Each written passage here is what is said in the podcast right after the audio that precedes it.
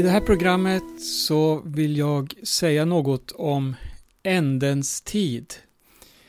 Det är ett begrepp som återkommer gång på gång i Guds ord. Ändens tid, det talar ju om ett slut.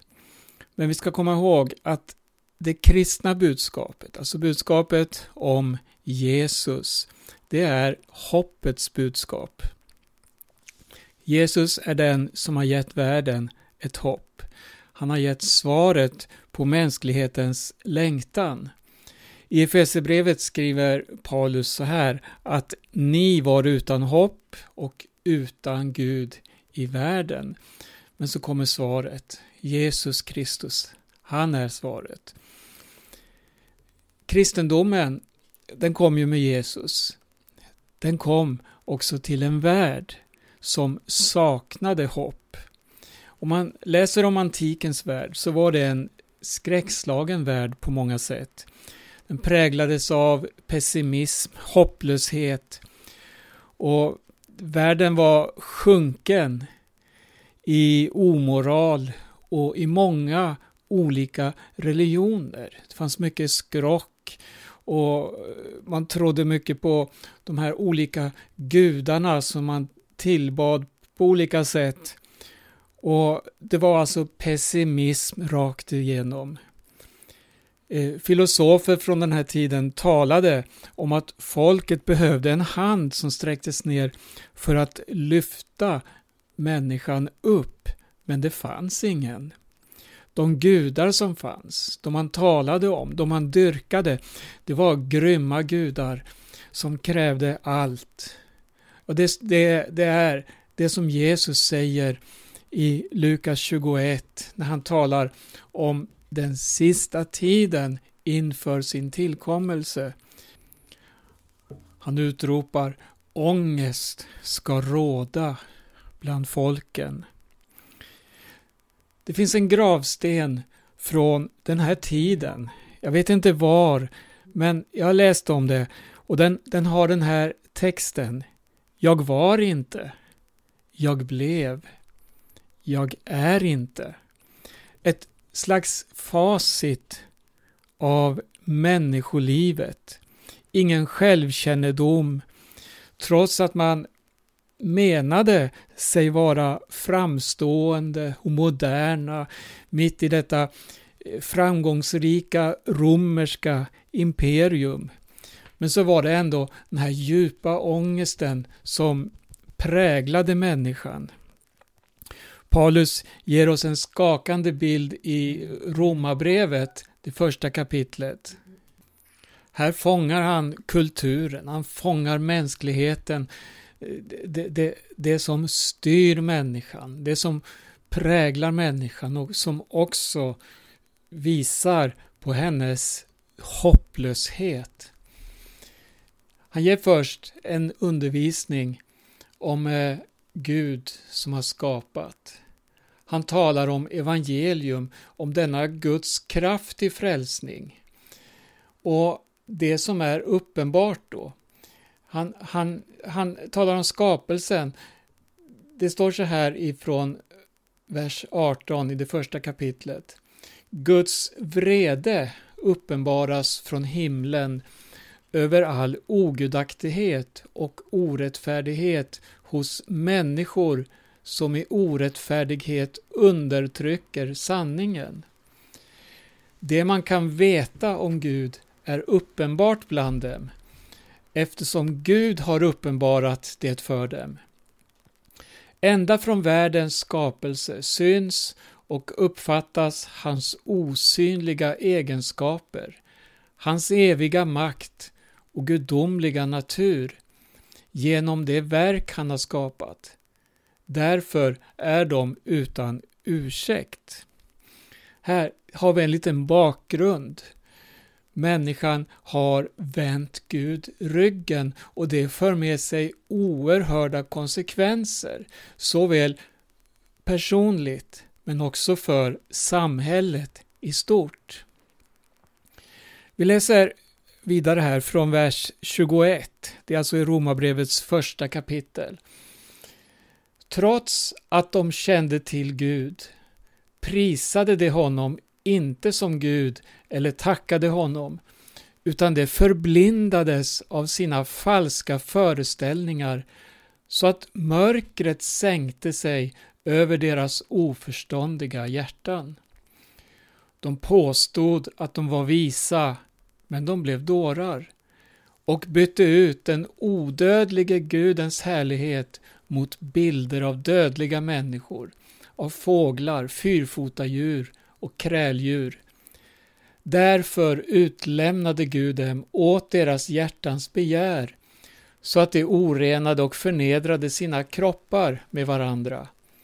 De bytte ut Guds sanning mot lögnen och dyrkade och tjänade det skapade istället för skaparen, han som är välsignad i evighet. Amen. En samtidsbeskrivning, en kulturanalys som vi mycket väl kan eh, placera i våra dagar, i vårt samhälle. Det är precis så här som vårt samhälle ser ut. Omoralen, familjens upplösning, alla värderingar, de är bortspolade helt enkelt.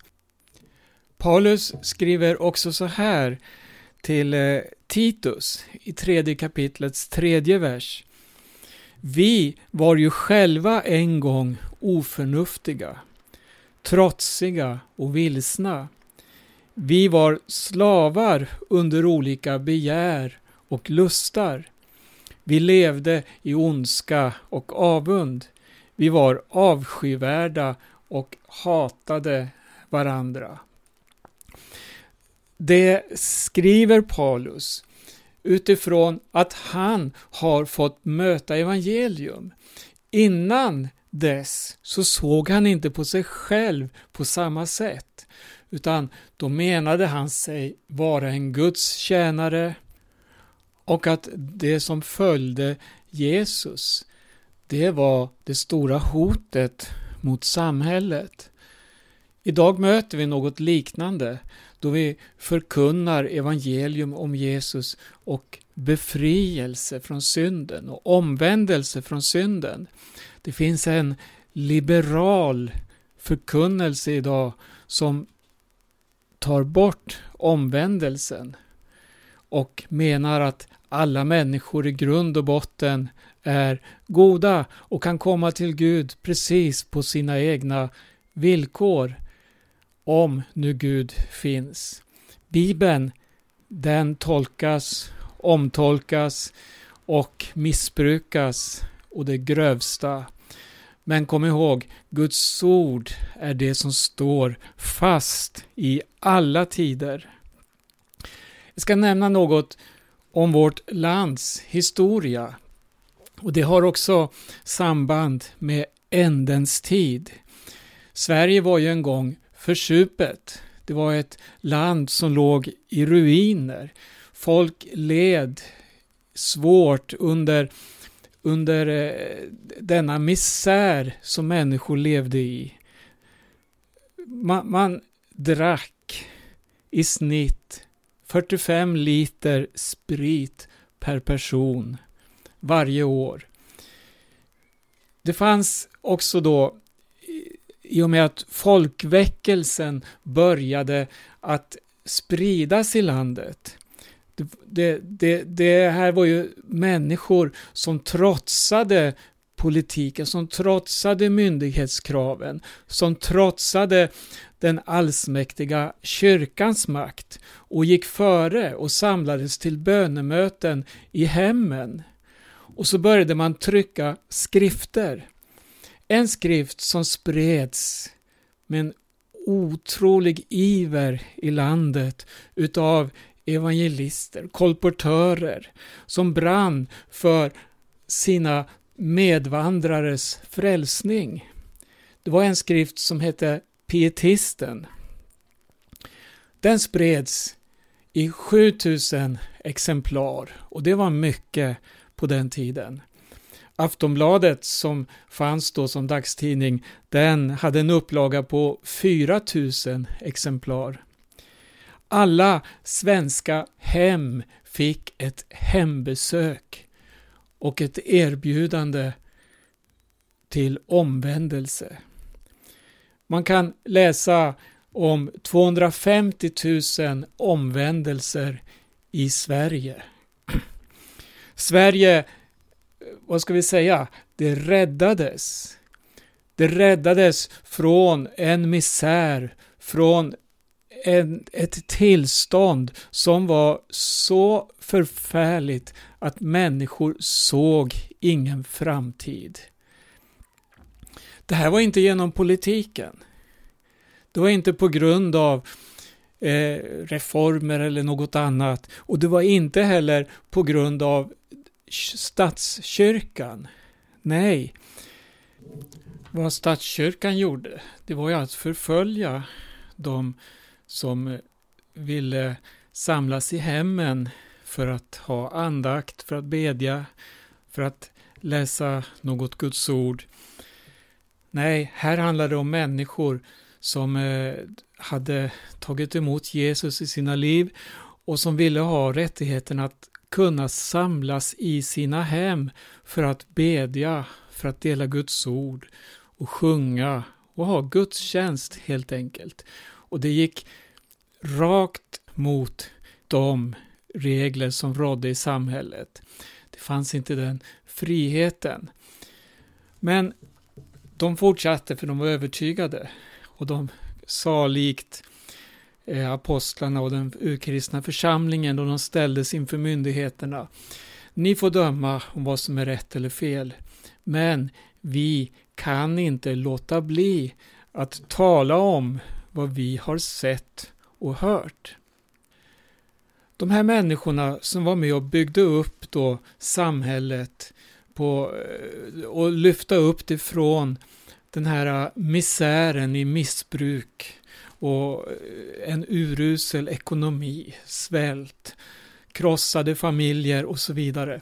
Det här blev ju en oerhörd tillgång och det finns kopplingar till kristendomens historia som man kan ta lärdom av också. Under de första århundradena så rådde det ju kristendomsförföljelse. Kejsardömet förföljde grymt de kristna. Inte minst kejsar Nero och andra ända fram till 300-talet då kejsaren, det var som att han helt plötsligt vände om och såg vilken tillgång det fanns hos de kristna. Han såg att det var människor med resning, med moral, något som var eftertraktat för att, för att korruptionen och omoralen i samhället var ju spridd långt upp i de högsta skikten. Det höll på att ruttna inifrån kan man säga. Och här såg man då de kristna hade en helt annan värdegrund och den måste vi ta vara på. På liknande sätt kan vi möta i vårt samhälle idag hur visst man ser kristenheten som en resurs för att bygga upp samhället. Men på bekostnad av vad? Jag ska återkomma till det. In i den här världen, vi håller, tänker nu på den urkristna tiden som var fylld av gudar och religioner, ja då nådde kristendomen och den gav nytt hopp, den skingrade mörker, hopplöshet och förtvivlan och den gav jagade människor ett fäste. När Jesus kom så förkunnade han på ett nytt sätt som ingen någonsin hade gjort tidigare. Han började tala om Guds rike och inte bara berätta om Guds rike utan han sa så här Guds rike har nu kommit till er. Han kom med det stora glädjebudskapet. Den himmelska världen bryter in i vår tillvaro. Den långa mörka natten, ja den är förbi. Och det står så här i Matteus 12 och 21, bara ett citat. Till hans namn ska folken sätta sitt hopp. Och det är verkligen sant. Den som fick möta Jesus. Och, och, och det, här, det här kan verka då eh, kanske så, som ett lokalt evangelium för de människor som Jesus träffade då han vandrade här under sina 33 år. Nej, vi vet att det här var så mycket större. Det evangelium, det har ju idag spridit sig ut över hela världen på grund av att det Jesus gjorde var från Gud. Och han dog för hela mänsklighetens synd, för varje människa på den här jorden. Och han uppstod från de döda och gav på det sättet hopp för varje människa. Alltså alla kan vi genom Jesus besegra dödens och syndens makt. Hur? Ja, genom att säga ja till Jesus, för han är Gud. Guds egen son som kom hit till denna värld. Och han har makt att bryta syndens bojor. Demonerna måste fly för honom. De är besegrade. Tänk dig vid Golgata mörker och påskmorgonens ljus. Det står så här i Kolosserbrevet att han har frälst oss från mörkrets välde och fört oss in i sin älskade Sons rike. Han är fullbordan för hoppet. Kristendomen, det är framtid och det är hopp.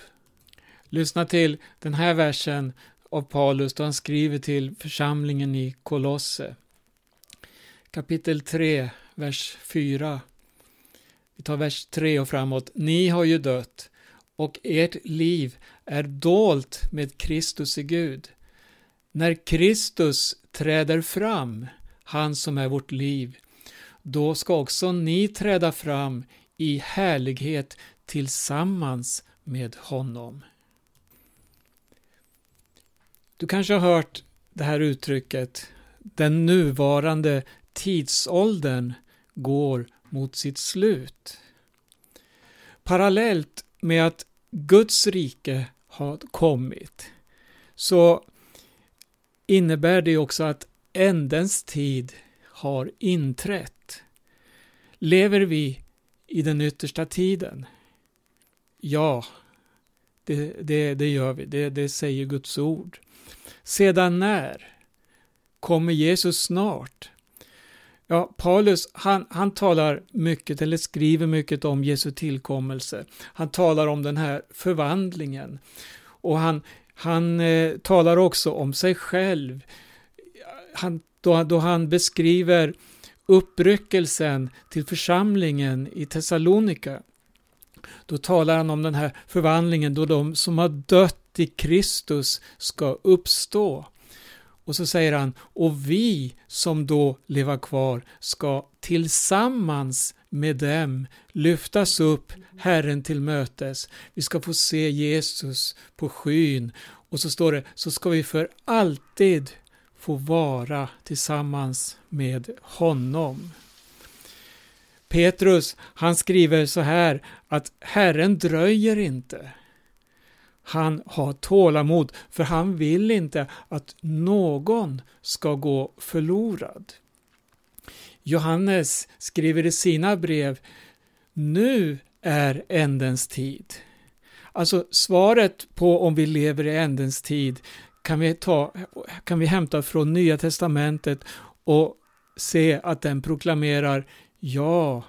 Och det har varit ja sedan den första församlingens tid. Det finns alltså ett Maranatarop, det här som säger Kom Herre Jesus. Det har varit angeläget i alla tider.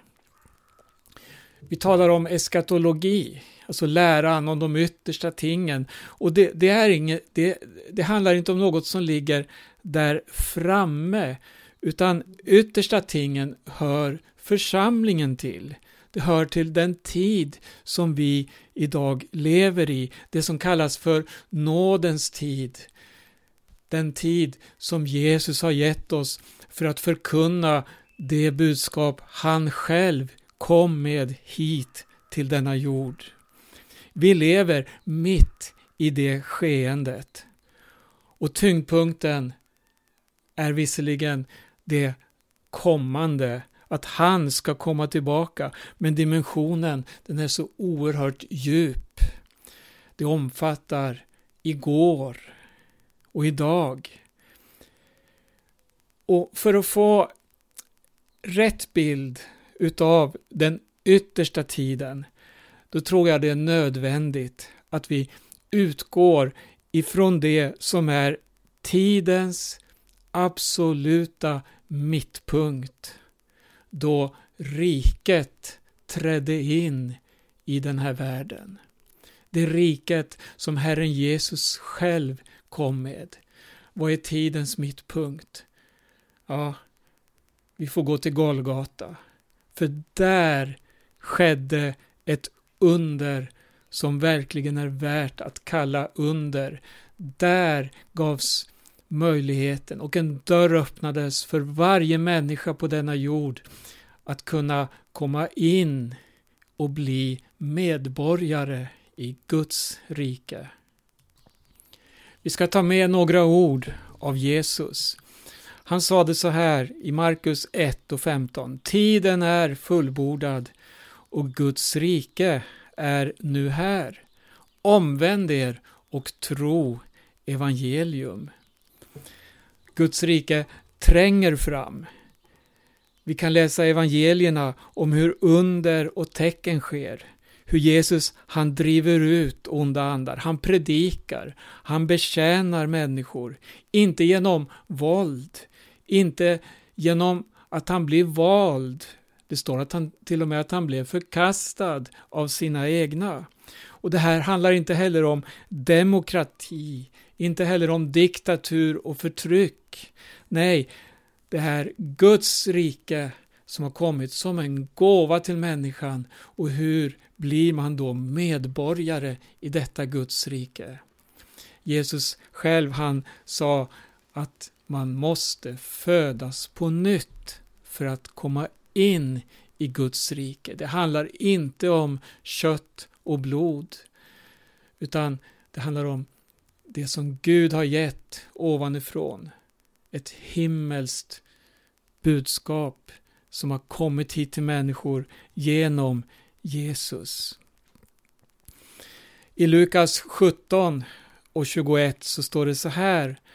Ingen ska kunna säga Se här är det eller där är det. Nej, Guds rike är mitt ibland er. Alltså, hur förklarar man detta? Guds rike finns i våra hjärtan. För Bibeln säger att Gud bor inte i hus byggda av människohänder. Det finns inget tempel på denna jord där Gud har sin boning. Men han bor där det finns ett ödmjukt hjärta.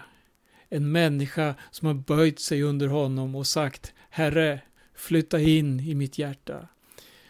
Då sker detta under att vi blir födda på nytt.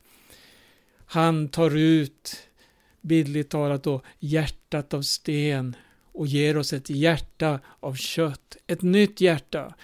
Halleluja, och ett liv som är av evighet. Så vad kan vi säga? Yttersta tiden, den är nu. Den har brutit in genom Jesus. Och tidens mittpunkt är Golgata. Och det som äger rum på Golgata inleder ändens tid. Så låt inte tecken styra förkunnelsen om Jesu tillkommelse. Du kan aldrig separera den från mittpunkten, från honom som kom. En eskatologi som helt och hållet talar om det kommande, den blir skev. Det som ska komma och han som har kommit, det hör ihop. Och vi har släktskap med den urkristna församlingen. Korset och uppståndelsen är det som markerar den avgörande vändpunkten i historien. Det var där segern avgjordes och där möjliggjordes också Jesu andra tillkommelse. Så budskapet som du möter i Nya Testamentet, det är lika aktuellt idag som då. Till sist en påminnelse om församlingens uppgift i denna ändens tid. Vi har fått en missionsbefallning, en, ett uppdrag av Herren Jesus själv. Och Jesus sa så här att evangelium om riket ska förkunnas i hela världen till ett vittnesbörd för alla folk. Sedan ska slutet komma. Alltså i denna ändens tid, i denna sena tid, så har församlingen ett uppdrag. Jesus sa i slutet av Matteus evangelium, han hade samlat sina lärjungar, och så sa han, mig är given all makt i himmel och på jord. Gå därför ut och förkunna evangelium. Det här är uppdraget. Att tala om Jesus, att döpa till Kristus och påminna om att han kommer snart igen. Då Jesus lyftes upp, en sky tog honom hem till Fadern. I den stunden så kommer änglarna ner och visar sig för lärjungarna som står där och blickar upp mot skyn. Och så säger de, varför står ni här och tittar? Denne Jesus som ni har sett lämna er, han ska komma igen på samma sätt som ni har sett honom fara upp. Ta emot den här hälsningen och fylls av denna iver att få vara med att tjäna Jesus och sprida evangelium i denna sena tid till dess att han kommer igen.